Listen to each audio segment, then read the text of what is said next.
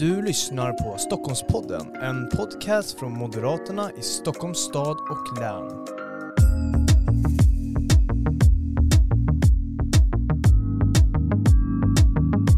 Varmt välkomna till ännu ett avsnitt av Stockholmspodden. Det här är ju Moderaterna i Stockholms stad och läns podcast där vi pratar med våra främsta företrädare men också med andra gäster och experter från olika positioner i samhället. Och idag ska vi prata om en väldigt aktuell händelse. Det är nämligen Afghanistan som står på det här poddavsnittets agenda och med oss för att prata om det så har vi Paul Jonsson, försvarspolitisk talesperson för Moderaterna. Varmt välkommen hit. Tack, kul att vara här igen. Och sen har vi också Magnus Kristiansson och jag tänker att du får presentera dig själv. Ja, Magnus Kristiansson, eh, forskare på Försvarshögskolan. Jag har jobbat i det militära systemet, utbildningssystemet i olika positioner i 20 år. Mest intresserad av, av NATO och transatlantiska frågor, men då hamnar man ju också väldigt nära svensk försvars och säkerhetspolitik. Och I den egenskapen har vi ju naturligtvis också följt utvecklingen i Afghanistan ehm, och framförallt dess, dess, ehm, dess svenska komponent och den strategiska betydelse det har haft för Sverige. Sveriges försvar. Mm. Ja, precis. Och det har ju hänt en hel del i Afghanistan och eh, det är otroligt bra. Ni är båda varmt välkomna till Stockholmspodden. Jättekul att ni vill vara med oss eh, och att vi kunde få till det här så pass snabbt eh, när det är som mest aktuellt Afghanistan. Men jag tänker att vi ska ju prata om de aktuella händelserna. Vi ska också prata om framtiden för Af- Afghanistan. Eh, kanske komma in lite på om det finns en lösning och hur den lösningen kan gå till och så vidare. Det är otroligt komplexa frågor, eh, men vi får se vart vi landar lite där. Men, men först så måste vi ändå på någonstans landa i vad, vad orsakade den här konflikten då? då? Eh, och lite bakgrund till det. Vad tänker Magnus att, att du får ta lid där. Ja, man kan ju säga det är ju lite komplicerat där eftersom det har varit en konflikt under väldigt många årtionden. Men om man, om man tittar på de senaste händelserna, det som gör att Afghanistan är så hett nu, det handlar ju om att den västerländska närvaron där håller på att avvecklas eller har avvecklats under tumultartade former. Så om man ska börja en tidslinjal så skulle jag ju säga att det handlar om 11 september. Det är det som är startskottet för det första kapitlet i den här historien. Eh, och där tycker jag att eh, det finns nästan en neurotisk besatthet här nu av att man ska fokusera på misslyckandet i det här sista kapitlet. Men ska man gräva i och få en ordentlig och rättvisande bild av det här misslyckandet, för det är det ju faktiskt, så måste man ju faktiskt börja från början, det vill säga eh, 11 september och eh, de beslut som fattades under 2001 och 2002 som kommer att vara helt avgörande för Afghanistaninsatsen. Så eh, där skulle jag börja. Naturligtvis kan man gå tillbaka under väldigt, Mm. väldigt lång tid eh, och hitta rötter tillbaka i det här. Eh, ja, vi har haft en sovjetisk ockupation och så vidare. Men jag tror att det här kapitlet, eller den här historien, första kapitlet kom i samband med eh, 11 september 2001. Mm. Och jag tänker USA har ju spelat en stor roll för, för konflikten i bakgrunden. Men, men även Kina och USA, eller Kina och Ryssland också. Men jag tänker det här med att stormakterna blandar sig i. Hur mycket har det påverkat eh, utfallet som vi kan se idag? Ja, alltså hela Afghanistaninsatsen är ju en utländsk intervention. Så i den meningen så utan en, ett amerikanskt ingripande, utan att Bush-administrationen fattade beslut om att göra en ganska långtgående insats i Afghanistan, då hade ju naturligtvis inte Sverige eller andra stater varit där heller. Ehm, och det var möjligen inte helt självklart. Ehm, efter 11 september så var det ju omöjligt för Bush att helt strunta i Afghanistan. Det, var, det fanns ett oerhört starkt tryck, det fanns också folkrättsliga förutsättningar för det. Men att sen sen följer talibanregimen väldigt enkelt. Och då fattade ju regimen ett beslut, ett ganska långtgående beslut om att eh, ge sig in i Afghanistan eh, och där man senare då tänkte sig att världssamfundet skulle hjälpa till att eh, axla ett ansvar för Afghanistan. Eh, och så fick man ett, en överenskommelse i Bonn i december 2001 eh, och där fattar man beslut om det som senare kommer att bli ISAF, alltså den militära närvaron som kommer att bli en NATO-närvaro. Ehm, och den skulle egentligen bara vara sex månader i Kabul Mm. eh, för att hjälpa till med säkerheten för övergångsregimen, övergångsregeringen. Ehm, och då verkade det som att eh, världssamfundet eh, bara på några månader hade löst en oerhört komplex situation i ett av de svåraste konfliktområdena i världen. Naturligtvis var det inte så. Och någonstans här så tror jag, menar jag att världssamfundet svängde in i en lösning som ignorerade tre stycken rätt grundläggande destabiliserande faktorer i Afghanistan. Eh, hela då barnöverenskommelsen struntade ju i maktfaktorerna på plats i Afghanistan. Ehm, det var ju väldigt mycket en utifrån lösning, en uppifrån lösning. Och det där hade ju västmakterna erfarenhet av redan ifrån Balkan. Alltså att man, man struntade i markförhållandena och vilka som egentligen hade makt på plats i Afghanistan efter talibanernas fall. Den andra grejen var att man byggde upp en parallellstruktur. Så å ena sidan fick man en, den FN-mandaterade ISAF-styrkan och sen så körde amerikanerna sitt race i södra Afghanistan. Och där fick man liksom, det, det menar, under 2001 så märktes ju inte det. Men det, det där kommer att bli ett successivt ett jättestort problem. Alltså att man splittrade mm. Eh, insatsen.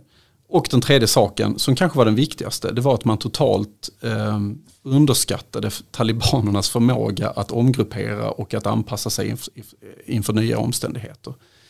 Man drog sig över gränsen i södra, till, till Pakistan, eh, kunde, det var ganska lugnt i Afghanistan de första åren, men där kunde man åter, återbygga sin styrka och komma tillbaka med full kraft. Så någonstans, om vi, om vi tittar på sista månadens underrättelseunderlag så är det ju inte det som är grunden till det här misslyckandet. Utan det var ju eh, att insatsen byggde på eh, ett antal felaktiga, eh, ett antal felaktiga bedömningar och ett antal felgrepp in, i, i början på den här insatsen. Och man kan naturligtvis söka bakgrunden till det på, på olika analysnivåer. Dels maktförhållanden i världen vid den här tiden men också administrationen i USA. Mm. Ehm, så det, fin det, finns många förklaringsfaktorer men jag tror att de är betydligt djupare än bara de här senaste veckorna. Mm. Jag tänker också, man vill ju ställa sig frågan att om USA inte hade gått in i Afghanistan vid den här tiden eh, och generellt i konflikter att stormakterna håller sig borta istället. Kan till exempel en demokrati växa fram då? Paul, vad tror du hade hänt med Afghanistan om inte USA hade gett sig in här 2001? Ja, det man ska komma ihåg att innan USA drog fram så var det ju talibanerna som hade kontroll där. Man ska också ha klart för sig att Bush-administrationen ändå ansträngde sig folkrättsligt till, eh, i dialog med talibanerna och krävde att Osama bin Laden skulle lämnas ut och, och fick ett, eh, en deadline för att agera på detta och i och med att talibanerna valde att inte göra det då så gick ju amerikanerna in. Uh, och det man väl kan konstatera då är att i Afghanistan svänger det väldigt snabbt och vi pratar väldigt mycket om hur snabbt det kunde vända nu då på 11 dagar men vi kommer ju också ihåg 2001 hur snabbt det välde och i grunden så har det att göra med att detta är ju ett klansamhälle där du har ett antal krigsherrar helt enkelt. Mm. Man kör en bandwagoning som heter, man hänger på den starkaste makten och då kan det svänga oerhört snabbt, som precis som det har gjort nu också på slutet. Mm. Jo, men jag tror också att just den här föreställningen om, alltså Bush-administrationen gjorde ju efter 11 september så tänkte man om hela sin politiska, både sin politiska och militära strategi. De hade ju kampanjat i opposition mot att man skulle ge sig ut i världen och det handlade mer om att man skulle bevaka kärnintressen, så klassisk republikansk linje. Men efter 11 september så vände ju hela det här gänget och man fick det, alltså då Condoleezza Rice och Paul Wolfowitz och eh, Rumsfeld själv.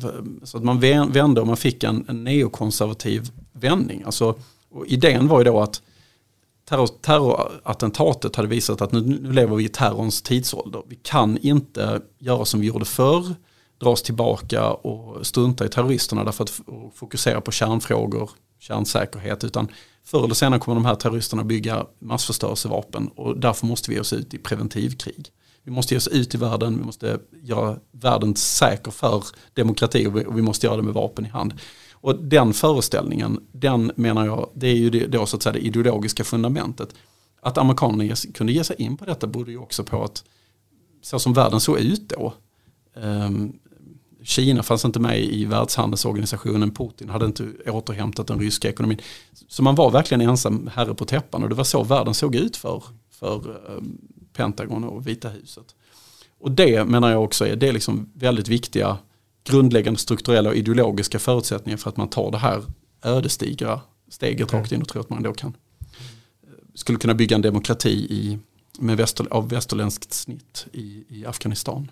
Mm. Mycket jag, stort misstag. Jag, jag, delar den bilden i många stycken. Jag vet att amerikanerna brukar säga att they will love us when we win. Va? Att man då också hade George Bush hade ett State of the Union där han pratade då dels om den onda axeln och så pratade han om freedom, freedom, freedom då som liksom en form av konträr till det där vad ju som hände sen i Afghanistan var ju också att man fick det som heter på engelska mission creep. Man utvidgade ambitionerna för eh, vad som egentligen började som en ren antiterroristoperation och till del fortsatte att vara det. Magnus nämnde ju här den här andra operationen Operation Enduring Freedom i södra Afghanistan där man ju verkligen eh, sökt och liksom likviderade terrorister. Men samtidigt så skulle man ju också då försöka ha någon form av ansats till nationsuppbyggande. Och det där visar ju sig vara oerhört komplext i ett sådant land som är dels mycket klaner och som har ett väldigt mått, stort mått av korruption. Och I det arbetet också, inte minst enormt svårt också att koordinera de här in, militära insatserna men också biståndsinsatserna. Så det, i det avseendet så lyckades man ju inte alls lika väl. Man kan ju säga att USA i vissa avseenden har uppnådde de militära målen med liksom att köra ut talibanerna och till slut fick man ju 2011 också då eh, likvidera eh, Osama bin Laden och att det skulle kunna vara mål i sig självt då. Va? Men, då eh, men det var ju ingen stabil statsbildning som sådan. Jag, jag tror också att eh, väldigt mycket eh, handlade om att för den här neokonservativa gruppen så var Afghanistan aldrig i den här ideologiska omvärderingen så var Afghanistan aldrig en viktig pusselbit. Eh, demokrati i Afghanistan var i sig inte någon sorts målsättning. Det var någonting som växte fram. Man, man räknade med att världssamfundet skulle vara med och sopa upp spillrorna efter Afghanistan. Det som hände var ju att eh, redan under 2002 så började den här kretsen kring eh, Rumsfeld att fokusera på nästa steg, nämligen Irak. Eh, man satte, vem, vem satte man att koordinera hela den här Afgan, Afghanistaninsatsen? Jo, det var ju alltså den som var ekonomiansvarig i Pentagon, alltså Dav Sackheim. Mm. Och Dav Sackheim, eh, det, det vill säga det, det, signalen var att det här är inte viktigt överhuvudtaget. Vi fokuserar på, på uh, Irak nu.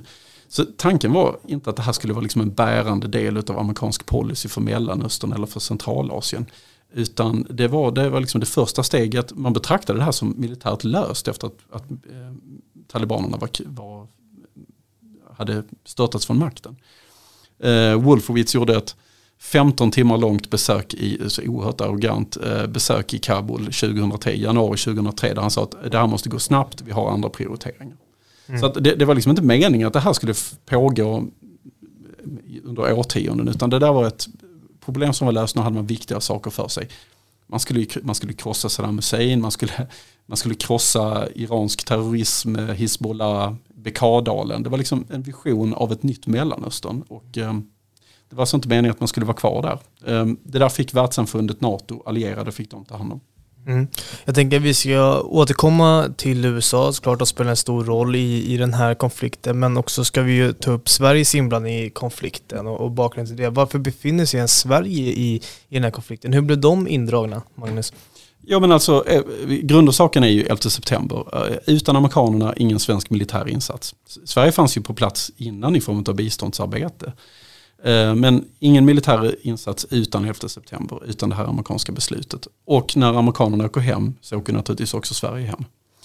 Ehm, men eh, eh, mer indirekt kan man ju säga att eh, det är det här mission creep som Paul var inne på, för det, så blev det ju.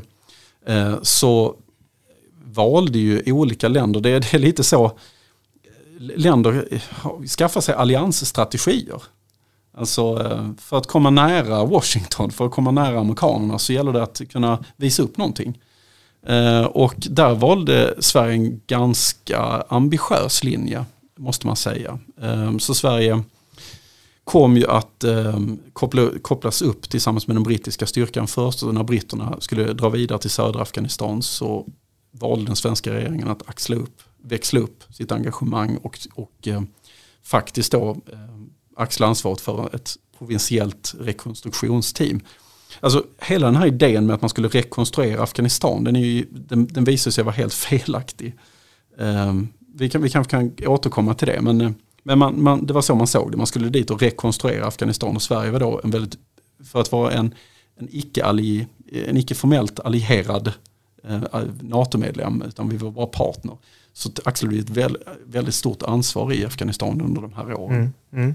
Och det var ju väldigt högt eh, prioriterat i dialogen med USA. USA mm. hade ju ett rätt så stort tryck naturligtvis i huvudsak på de NATO-allierade men även på partners att man skulle ställa upp. Så det var ju en form av inflytelsevaluta. Sen var vi inte Danmark eller Estland. Danskarna tappade väl nästan 60-70 soldater var ju i södra delen i Helmland, det var ju Esten också, vi var ju i den norra delen, men som sagt vi hade ju ansvar då för ett sånt här PRT och det var ett stort åtagande för Sverige. Alltså vi var uppemot tusen soldater eh, på toppen av den här insatsen. Den var både svår och den var krävande och den var, var dyr. Så det var ju, men det var ju också en investering i den transatlantiska mm. länken. Eh, och sen kopplat till det är ju att vi har haft ett brett och långvarigt engagemang för Afghanistan, inte minst den svenska Afghanistankommittén naturligtvis. Så vi hade viss kunskap på marken om det här insatsområdet. Mm. Jag tänk, förlåt, vill du säga Nej, men Där kan man väl säga att den, den svenska insatsen bjöd ju på en, en väldigt stor överraskning. Alltså givet Sveriges ganska stolta biståndstradition i Afghanistan så lyckades man aldrig få till det här samspelet mellan PRT och den civila återuppbyggnadsinsatsen. Eh, det innebär inte att det gjordes ett dåligt arbete från ändra sidan utan det var mer den här koordineringen i Stockholm som inte var helt lyckosam alltid. Det har ju med det svenska systemet att göra. Så att vi, ja, vi arbetar med självständiga myndigheter och har, den svenska synen på bistånd så att säga, taktar inte riktigt med den här konstruktionen av ett PRT som mer byggde på någon sorts kolonial variant där man hade överblick över alla, alla hela verktygslådan. Så, eh, så eh, det, det, var ju faktiskt en av de stora förvånande sakerna med den svenska insatsen. Att man aldrig, aldrig fick till biståndet um, på ett koordinerat sätt. Mm. Jag tänker att vi ska återkomma till det men att vi också ska gå in på, på nuläget i Afghanistan och det som har hänt de senaste månaderna och jag tänker att vi måste ju börja här i början. USA drar tillbaka sina trupper. Var det rätt beslut tycker ni? Ja, så här, det var väl oundvikligt att det någon gång skulle komma.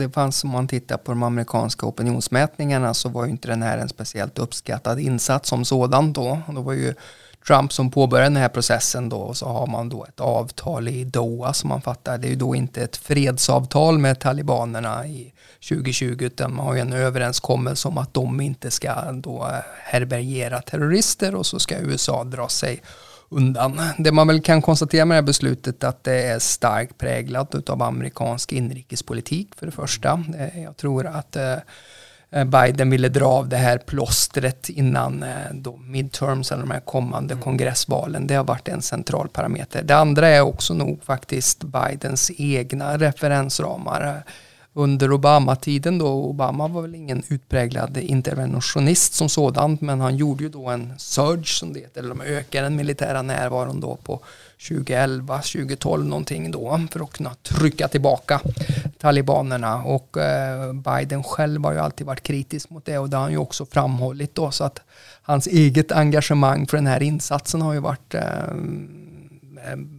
begränsat skulle jag säga. Jag vet också att man inom det amerikanska systemet, att Pentagon har varnat för detta och så vidare. Men, men det är en reflektion av amerikansk inrikespolitik. De, traditionellt brukar man göra rätt så omfattande konsultationer inom ramen för NATO, för det är ju en NATO-ledd insats, även RSM då, men det upplevde vi inte i någon större omfattning den här gången, utan amerikanerna deklarerade detta. Och och då var ju policyn inom NATO ju varit att man ska gå in tillsammans, man ska anpassa eh, insatsen tillsammans och sen så ska man lämna tillsammans. Så det var nog inte ett militärt alternativ att stanna för Sverige i Afghanistan när USA drog sig tillbaka. Även om USA inte hade speciellt stora trupper närvaro i slutet. Det var ju 16 000 man tror jag RSM. Det kan ju jämföras med 140 000 på, på toppen utav ISAF. Men USA har en stark krigsavhållande förmåga. De har en väldigt bra förmåga för att bekämpa från luften och ett suveränt underrättelsesystem som ingen europé riktigt kan axla.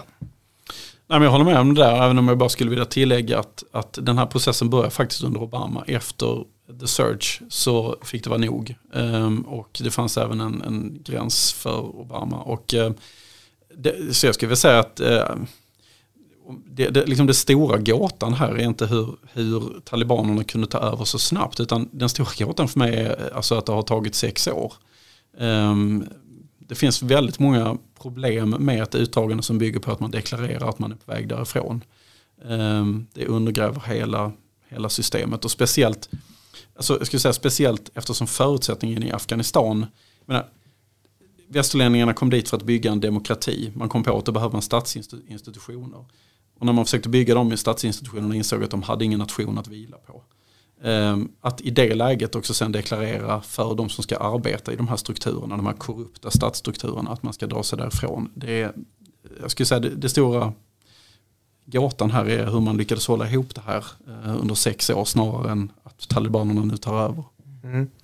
Jag tänker, du nämner lite om det som jag tänkte fråga om, just att 20 år av insats från NATO, eh, vad det egentligen betytt för Afghanistan när de ramlar ihop efter bara ja, väldigt kort tid.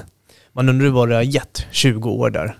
Det finns flera sätt hur man kan eh, skära den där kakan. Dels så kan man fråga om det var värt det. Och då får man kanske jämföra vad vi kunde ha gjort någon annanstans och längre. Och den andra frågan som man kunde ställa sig här, vad är det förgäves? Eh, och det är klart att, det här får man också komma ihåg lite grann skillnaden över Atlanten när man sett på Afghanistaninsatsen. Om du lyssnar på en europeisk eh, politisk ledare så pratar han med förkärlek om en halvering av mödradödligheten, om miljontals flickor som får gått i skola, om ett visst mått av yttrandefrihet och fri press. Han pratar om en fredlig makttransition och allt detta har ju varit under de här 20 åren, till del i alla fall på det. Eh, Medan USA som var ju Afghanistan i huvudsak varit inriktat på en antiterroristoperation. Eh, jag tycker inte om att säga att det är förgäves när, eh, när flickor får gå i skolan eller när mödradödligheten sjunker. Men som sagt, man måste ju alltid väga det mot vad det internationella samfundet har gjort på någon annanstans också då. Sen tycker jag också man ska vara väldigt ärlig och säga att detta var ett misslyckande naturligtvis, att Afghanistan faller ihop som ett korthus eh, elva dagar efter den militära närvaron i princip är slut. Och det, det är i sig självt att eh, det faller faktiskt en tung skugga för USA hur man också hanterade själva utdragandet. Eh, hur mycket förberedde man de afghanska säkerhetsstyrkorna? Det fanns signaler under juli månad att talibanerna arbetade väldigt hårt med att hitta någon form av överenskommelse med de olika krigsherrarna. Eh, den strategiska kommunikationsförlusten är ju katastrofal på på Kabuls airport naturligtvis när man ser de här bilderna som ju för, tillbaka tankarna till 1975 och Saigon eh, och som ju var en strategisk händelse som försvagade USAs eget självförtroende och dess anseende på den internationella arenan. Nej, jag håller med. Alltså, och det, det är inte bara den här själva bilden eh, av Saigon våren 75 och det som händer nu. Det är inte bara den bilden utan det finns många paralleller eh, med det som hände under då Nordvietnams militära offensiv under våren. Förvåningen, eh, nordvietnameserna hade räknat med att, eh, att det skulle ta längre tid och att man sen improviserade och fokuserade sina styrkor för att ta Saigon. Ehm, hur eh, president Thieu flyr i ett flygplan fullt, fullastat med guld och hur president Ghani flyr fältet med fullastat, med fullastat plan med, med amerikanska dollar. Det finns många sådana paralleller och också en korrupt statsapparat Eh, Eh, med ett enormt, uppbackat av ett enormt amerikanskt engagemang.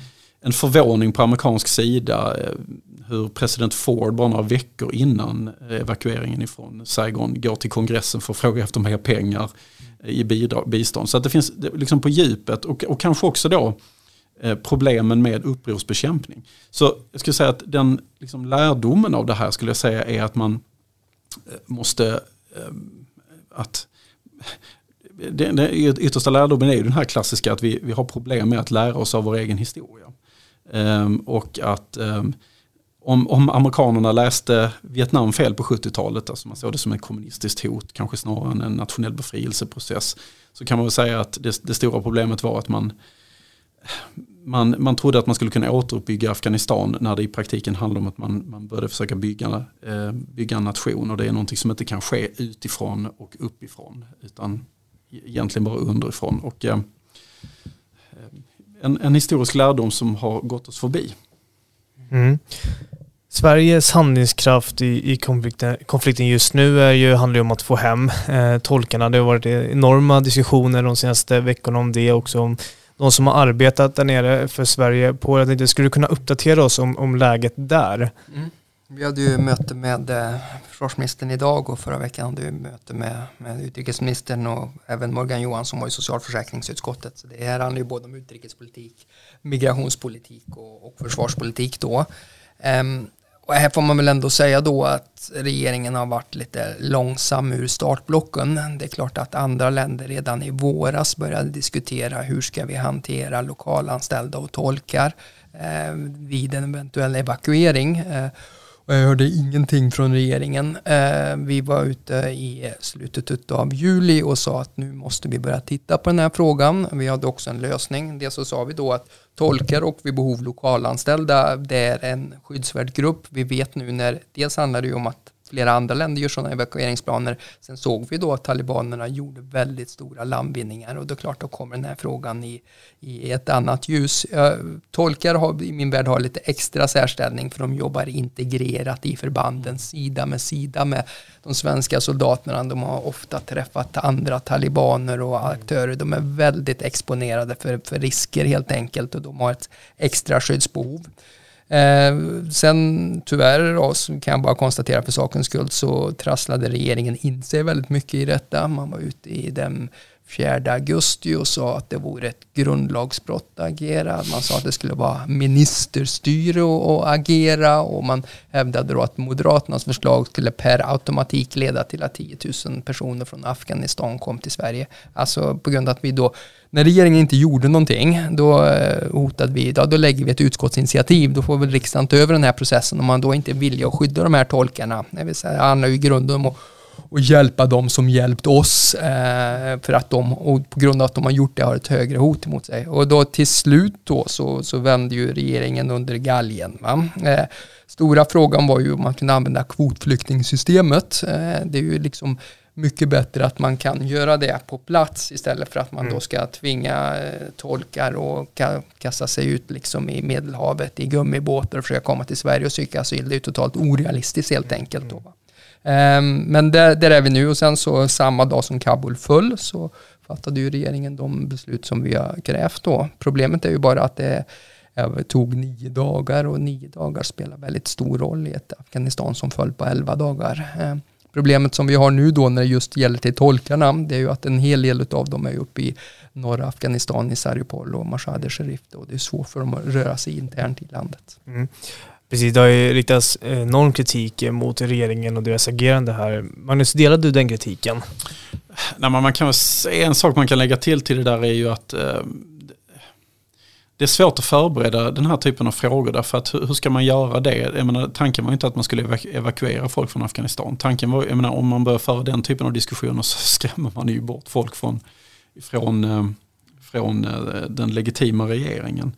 Eh, jag tror att för, för så att säga, mer vana interventionsstater som USA, Storbritannien och så vidare så är det här rätt självklara saker. Alltså att man och det bygger ytterst sett på någon sorts, på någon sorts egenintresse, att man måste ta hand om eh, ehm, eh, lokalanställda. Eftersom man aldrig riktigt kan förbereda detta så finns det alltid en gråzon var man ska dra den linjen. Men jag håller nog med Paul här om att eh, tolkarna är någon sorts minimum eh, för de som man måste, verkligen måste ta hand om. Eh, det skadar ju nämligen eh, framtida rekryteringsförsök för ett land om man inte tar hand om de sina så att säga. Så att det, det, är egentligen, jag skulle säga att det är egentligen inte en migrationsfråga utan det är faktiskt en säkerhetspolitisk fråga. Eh, men, men, men var regeringen senfärdig? Ja, förmodligen. förmodligen. Det, det, är svårt för mig att veta. Det, det där måste skrivas en historia om. Men, mm. men visst, det, det är ett senfärdigt intryck. Och också ett lite pinsamt när man börjar prata när man så att säga börjar fly frågan. Som jag tror handlar väldigt mycket om inrikespolitik också. Så, så här är det. Med, eh, för det, det är ju ändå regeringen sa då initialt sett då vid sidan, det var ju också att det kvotflyktingsystemet, det fick inte användas för att hämta hem tolkarna, utan det var ju, det var ju andra grupper som man menar på var mer prioriterade. Eh, sen faller det inte skugga på alliansregeringen också, låt mig vara väldigt tydlig med det här då. Vi gjorde ju en ansats 2014 då vi använde ett då, då kvotsystemet så fick vi hem då 23 personer. Det var 21 tolkar och två lokalanställda vakter med mm. familjer. Det blev ett, eh, knappt ett 70-tal som kom till Sverige. Eh, problemet var bara att det vi har, fanns fortfarande tolkar kvar som hade jobbat inom ramen för ISAF-insatsen mellan 2002 2013. Eh, de fick inte sina skyddsbehov prövade för de hade inget anställningskontrakt med Försvarsmakten och därmed inget säkerhetsskyddsavtal. Och vi menar på att vi har liksom en skyldighet också att hjälpa dem då eh, och där, där i brast det. Så där, därutav att vi föreslog en vidareutveckling av det som kallas den särskilda ordningen eh, för att det ska liksom ställa till så att det blir rätt igen. Då. Det andra man kan tycka, och det, och det stämmer, vi är ju inte vana på samma sätt att jobba som stormakterna med de här frågorna mm. som Frankrike och eh, Tyskland, eller inte Tyskland men Storbritannien och USA framförallt då. Däremot så var det en utredning 2017, Tone Tingsgård som skrev en utvärdering av den svenska insatsen och pekade på att här har inte Sverige någon policy eller strategi hur man ska förhålla sig till tolkar och lokalanställda. Sen ska man också klart för sig, efter 2015 så har vi ju använt då eh, tolktjänsten tillsammans med Tyskland via ett, för ett schweiziskt eh, företag. Eh, och då har vi inte haft ar arbetsgivaransvar och då är det inte riktigt samma ansvar. Det finns ett mm. moraliskt ansvar anser jag, men, men har man också ett arbetsgivaransvar så blir det mm. extra viktigt. Mm. Precis, och eh, just nu så är ju Talibanerna har ju tagit över Afghanistan. Jag tänker att vi lämnar tolkarna lite och kanske ska kolla framåt eh, hur man ska agera. Hur ska stormakterna, hur ska Sverige agera just nu för att hjälpa Afghanistan? Ska vi hjälpa Afghanistan, Paul? Ja, att vi har ett humanitärt ansvar, det, det uppfattar jag. Däremot så ska man nog vara vara realistisk. Just nu försöker ju talibanerna då framställa sig själva i rätt så bra dagar och man säger att man ska värna om kvinnors rättigheter och att flickor ska gå från skolan och att man ska upprätthålla diplomatiska relationer och så vidare. Men jag kan ju bara konstatera att det är väl dokumenterat att talibanerna åtminstone fram tills i somras hade nära kontakter med al-Qaida. Man bedömer att det finns de här 85 000 som talibanerna representerat att det finns eh, många al-Qaida soldater där. Vi har sett dåd eh, från talibanerna mot flickskolor senast i maj månad. Eh, jag är inte så hoppfull när det kommer till att hitta någon form av rimlig eh, maktfördelning i Afghanistan som skulle ju kunna vara någon väg framåt. Då, eh, utan jag ser framför mig att de kommer ut utfopa någon form av kalifat och eh, jag är inte så hoppfull för att det kommer att bli så demokrati och yttrandefrihet i linje med vad vi pratar om. Eh, däremot så har vi också diskuterat att någon form av humanitärt bistånd behöver vi ha. Det är ingen politisk entusiasm naturligtvis på någonstans i den svenska politiken för att ge pengar direkt till, eh, till eh, som kan hamna i talibanernas krigskistor. Det är ju en sån här eh, Sen är det svårt exakt att dra gränsen naturligtvis mellan humanitärt bistånd och utvecklingsbistånd och så vidare. Mm. Jo men det, jag, kan, jag, jag, delar den här bilden. Eh, Afghanistan kommer att vara en humanitär fråga i första hand och eh, under ganska lång tid nu och där gäller, där gäller det att agera pragmatiskt och realpolitiskt. Därför det ligger också i, i västmakternas intresse av um, att försöka nå, eh, alltså det handlar inte bara om att vara godhjärtad utan det handlar om ett moraliskt ansvar efter insatsen utan det handlar också om rena egenintressen när det gäller geopolitiskt och, och när det gäller eh, migrationsströmmar och så vidare. Eh, men på längre sikt så ska jag säga att strategin för Afghanistan kommer att påverkas av eh, Eh, regionala mönster. Eh, relationerna som talibanerna kommer ha till, till eh, Kina, till Ryssland, till Pakistan, Iran. Ehm, och där tror jag att man behöver vänta och se lite ehm, vilka mönster som utkristalliserar sig. Om man ska ha en mjuk linje eller en hård linje. Mm. Jag tänker att man, för, för själva regionen är ju väldigt konfliktfylld. Eh, och länderna runt omkring, staterna runt omkring, hur kan de på något sätt påverka utvecklingen i, i Afghanistan, både åt det negativa och det positiva hållet? Ska man använda dem på något sätt, Paul? Det har ju hela tiden Magnus pratat om Bonnkonferensen och alla har ju pratat om behovet av någon form av regionalt ansvar, mm. framförallt då med Pakistan men även med Iran och sen så har vi ju andra aktörer såsom Kina som har flyttat fram sina handelsförbindelser som utvinner eh, sällsynta jordartsmetaller. Eh, vi har väl ryssarna som man på en säga en form eller annan försökt odla talibanerna också en av tre eller fyra länder som fortfarande har en öppen ambassad där. Så visst är det ett eh, föremål för det här the great game som det brukar kallas på engelska. Och, uh, men jag är inte säker till att det kommer att vara till västs fördel utan det istället, så kommer de här aktörerna att flytta in nu när USA flyttar ut då. Uh, USA och Biden har ju sagt det, att man ska nu då fokusera på det stormaktsrivalitet eller som på engelska brukar kallas för Great Power Competition. Min oro är väl bara att på det sättet som man har agerat nu har försvagat en del av förtroendet för USA på andra delar av världen. Vi såg mm. att kineserna snabbt var ute och uttryckte sig vårdslöst om framtiden i, eh, för Taiwan till exempel. Jag såg Laschet hade uttalat att detta var den största backlashen för eh, NATO och så vidare. Så att det, det är klart att det, det väcker vissa frågor kring USAs långsiktiga åtagande och hur man konsulterar med allierade då. Ja, och framförallt också om man har så pass dålig koll eh, på, ett, på sitt eget fögderi, man har så dåliga underrättelseuppgifter så att man gör bort sig på det här sättet.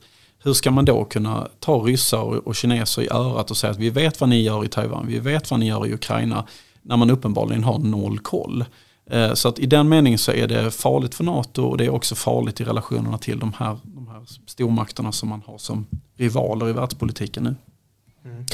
Jag tänker att man måste ju någonstans från NATO och västvärldens håll försöka hitta en långsiktig strategi. Man ska förhålla sig till det nya Afghanistan då, talibanernas Afghanistan. Och Magnus, hur tänker du där? Om, om du fick sitta och, och bestämma, hur, hur, skulle du göra? Ja, mitt råd skulle vara eh, att, eh, att satsa på Afghanistan humanitärt i det här läget. Eh, och sen tycker jag att Boris Johnsons ord i, i parlamentet igår eh, med att döma, döma talibanregimen för vad de gör Eh, och se så nyktert och realpolitiskt på detta som, som det bara går. Jag tror inte att det är läge för ideologiska utspel just nu. Ehm, ehm, jag tror, det, och det, svallvågorna och ehm, trovärdigheten för väst som demokratibyggare, liksom den, den, den är ju liksom slutgiltigt knäckt nu under vår livstid i varje fall. Så därför tror jag att, att försöka se detta så nyktert som möjligt, eh, försöka agera improvisera beroende på hur relationerna eh, som eh, talibanerna har med kineserna och ryssarna ser ut framöver. Eh, att försöka rädda vad som, rädda går, rädda, vad som räddas kan av den här regionala balansen. Jag tror nämligen också att om det finns många inom de pakistanska säkerhetsstrukturerna som har längtat efter den här, den här dagen så tror jag att det här är verkligen en, en a mixed blessing som man säger på engelska. Eh, det här kan bli ett problem även för de, för de närmast, eh, närmast liggande staterna också. Mm. Så det är inte bara väst som har problem idag. Nej. Det, är helt sant. Um, och det återstår ju att se då hur Afghanistan utvecklas. Eh, det finns väl det är ju ett eh, teatersällskap i området död. Många av de här jihadisterna som åker runt och så blir de bortryckta kanske mm. från Syrien så dyker de upp i Libyen eller i Jemen eller eh, i Sahel och det är klart att detta kan ju naturligtvis attrahera många av dem också och eh, eh vilket är att rida en tiger tror jag även för Pakistan om det mm. blir en sån, sån safe zone helt enkelt för, eh, för eh, terrorister och radikalisering och eh, narkotikaproduktion i, i framtiden. Så det kan, det kan få regionala konsekvenser. Låt mig också säga det är ändå kopplat också, vi pratade NATO där förut också, det är väl det man väl kan konstatera är att om vi har sett att det är liksom en fallande entusiasm för att ge sig in i nya internationella interventioner och insatser så kommer nog detta att förstärka trenden och NATO kommer återigen mer fokus då på artikel 5 och den hårda kärnan i det som väl kommer att vara ännu mer tydligt fokus på. Och det får jag ju säga till Biden-administrationens försvar att man har varit väldigt tydlig om att man står bakom NATO artikel 5. Mm. Jag tänker kring de här internationella insatserna som man gör från NATOs håll, eh, Europas håll också. Eh, man kan ju se det i andra konflikter också. Det, eh, det speglar sig igen det här med gör man försöker gå in i, i Palestina och Israel-konflikten, försöker på något sätt skapa och mäkla fred där. Eh, man har varit inne i Afghanistan. Skulle ni säga att man måste tänka nytt? Ni har ju varit kritiska här nu mot, mot just den här operationen, men, men om man kollar in i framtiden, ska vi bara skita i, om man får säga så, regionen där nere? Eller, eller hur ska man göra? Hur tänker ni? Det är en jättekomplex fråga förstår jag. Men alltså, under 90-talet så växte det fram en, och det var ju den stora optimismens tid. Alltså, tiden mellan Daytonöverenskommelsen, alltså när kriget i Europa tog slut på Balkan, fram till 11 september. Det är den lyckliga tiden i, i europeisk säkerhetspolitik. Och då, då, föddes ju den här idén om moral power Europe. Mm. Alltså att vi tillsammans, vi ska, vi ska aldrig göra om misstaget från Balkan, vi måste koordinera oss. Eh, vi kan faktiskt stå för en moralisk utrikespolitik, vi kan sprida demokrati, marknadsekonomi och rättsstat. Eh, och det, det, går naturligtvis att göra sig lustig över att det där verkligen har, jag menar, med tanke på trovärdigheten finns ju inte någonstans i detta projektet idag i en tid när vi diskuterar demokratiproblem i Europa. Eh, så det går naturligtvis att, att ironisera och, och, hitta väldigt många enkla poänger kring detta.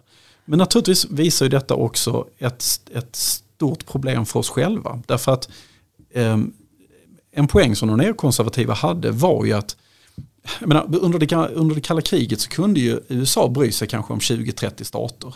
Eh, Sovjetunionen naturligtvis, några nyckelallierade i Europa, några i Sydamerika, eh, Israel, Egypten och Saudiarabien, eh, Sydkorea och Japan, kanske 20-25 stater. Efter 11 september så visade det sig att man var tvungen att bry sig om 190 stater i världssystemet. Därför att den, de här hoten är komplexa. Finansiering, eh, propaganda, de sprids, folk flyttar sig, terrordåd gentemot allierade får påverkan, ekonomisk påverkan och så vidare. och Så vidare. Eh, så att man kan ju inte helt och hållet dra sig tillbaka. Så att det, det, stora problemet är ju att man kan inte bara säga att man ska dra sig tillbaka utan man måste försöka engagera sig. Man, man måste försöka koordinera sig i västlägret. Eh, så att ytterst sett så ska vi ju inte vara skadeglada eh, på något sätt utan detta visar ju bara vilken problematisk tid vi lever i. Mm.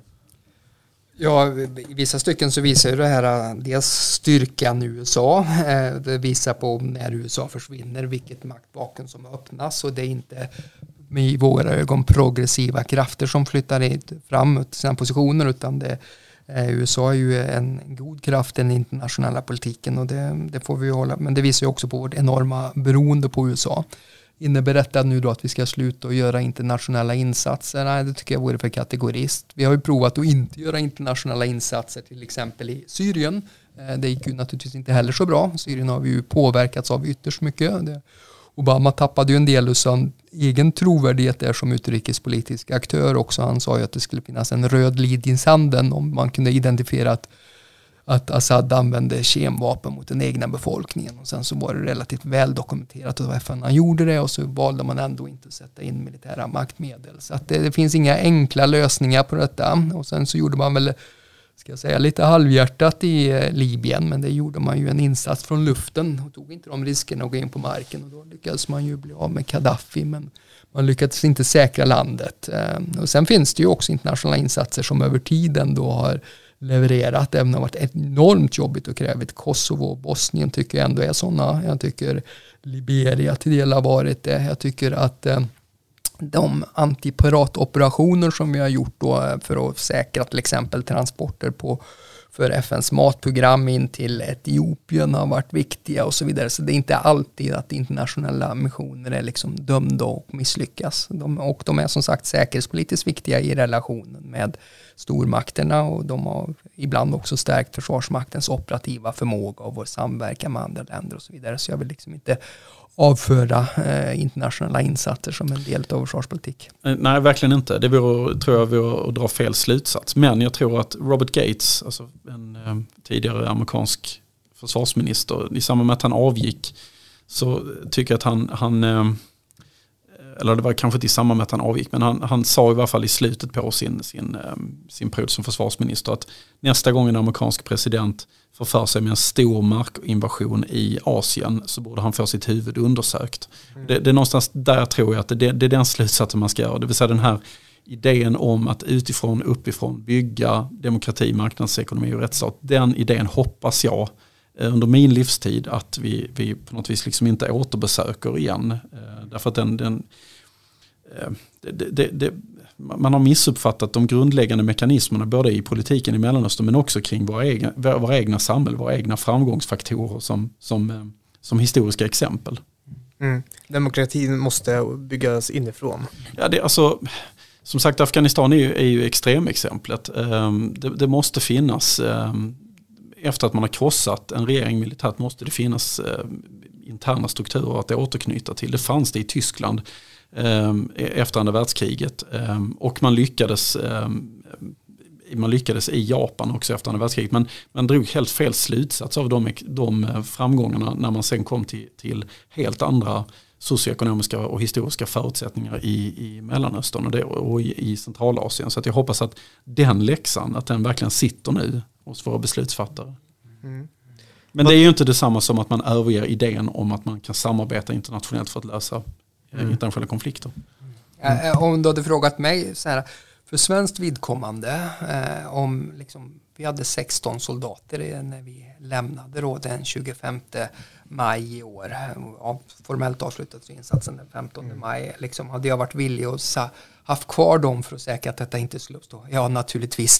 Det är liksom de strategiska konsekvenserna utav Afghanistan när det kommer till terrorism, när det kommer till narkotikasmuggling och potentiellt också migrationsströmmar. Det gjorde ju det. Och USAs åtagande var ju inte heller så stort, det handlade om 2500 man. Värderingen som amerikanerna gjorde dock, det var ju att när liksom den politiska processen kopplat till talibanerna tog slut så skulle talibanerna sen då ha ökat sitt militära tryck i alla fall. Va? Det jag bara beklagar är att vi åtminstone vi borde ha fått en ordnad utdragning, inte, inte på det sättet som det spelades ut nu. Och det gör rätt så stor skillnad. Mm. Hörrni, vi går eh, för landning eh, under det här avsnittet, men innan vi gör det så måste vi såklart eh, beröra Afghanistans effekter på Sverige. Eh, man pratar ju nu eh, på sociala medier och så vidare om en flyktingström. Eh, bara idag har man pratat om, ska vi gå tillbaka till 2015 och så vidare. Jag tänker bara att vi kort ska beröra det. Paul, hur tänker man kring där? Blir det en tillbakagång till 2015? Låt mig börja i andra ändan. Afghanistan är mycket närmare nu än vad det var 2001. Vi har gått ifrån att ha eh, 30 000 personer från Afghanistan till nästan 60 000 personer. Jag märker det i lokalmedia hemma i Värmland att det är stora uppslag och vi har haft gymnasielagen och vi har haft massa sådana här diskussioner. Vi har haft 8 000 svenska soldater och en generation av svenska officerare som är djupt präglade utav detta. Så i vissa avseenden så ligger Afghanistan närmare. Jag tycker det, man kan ta med sig det.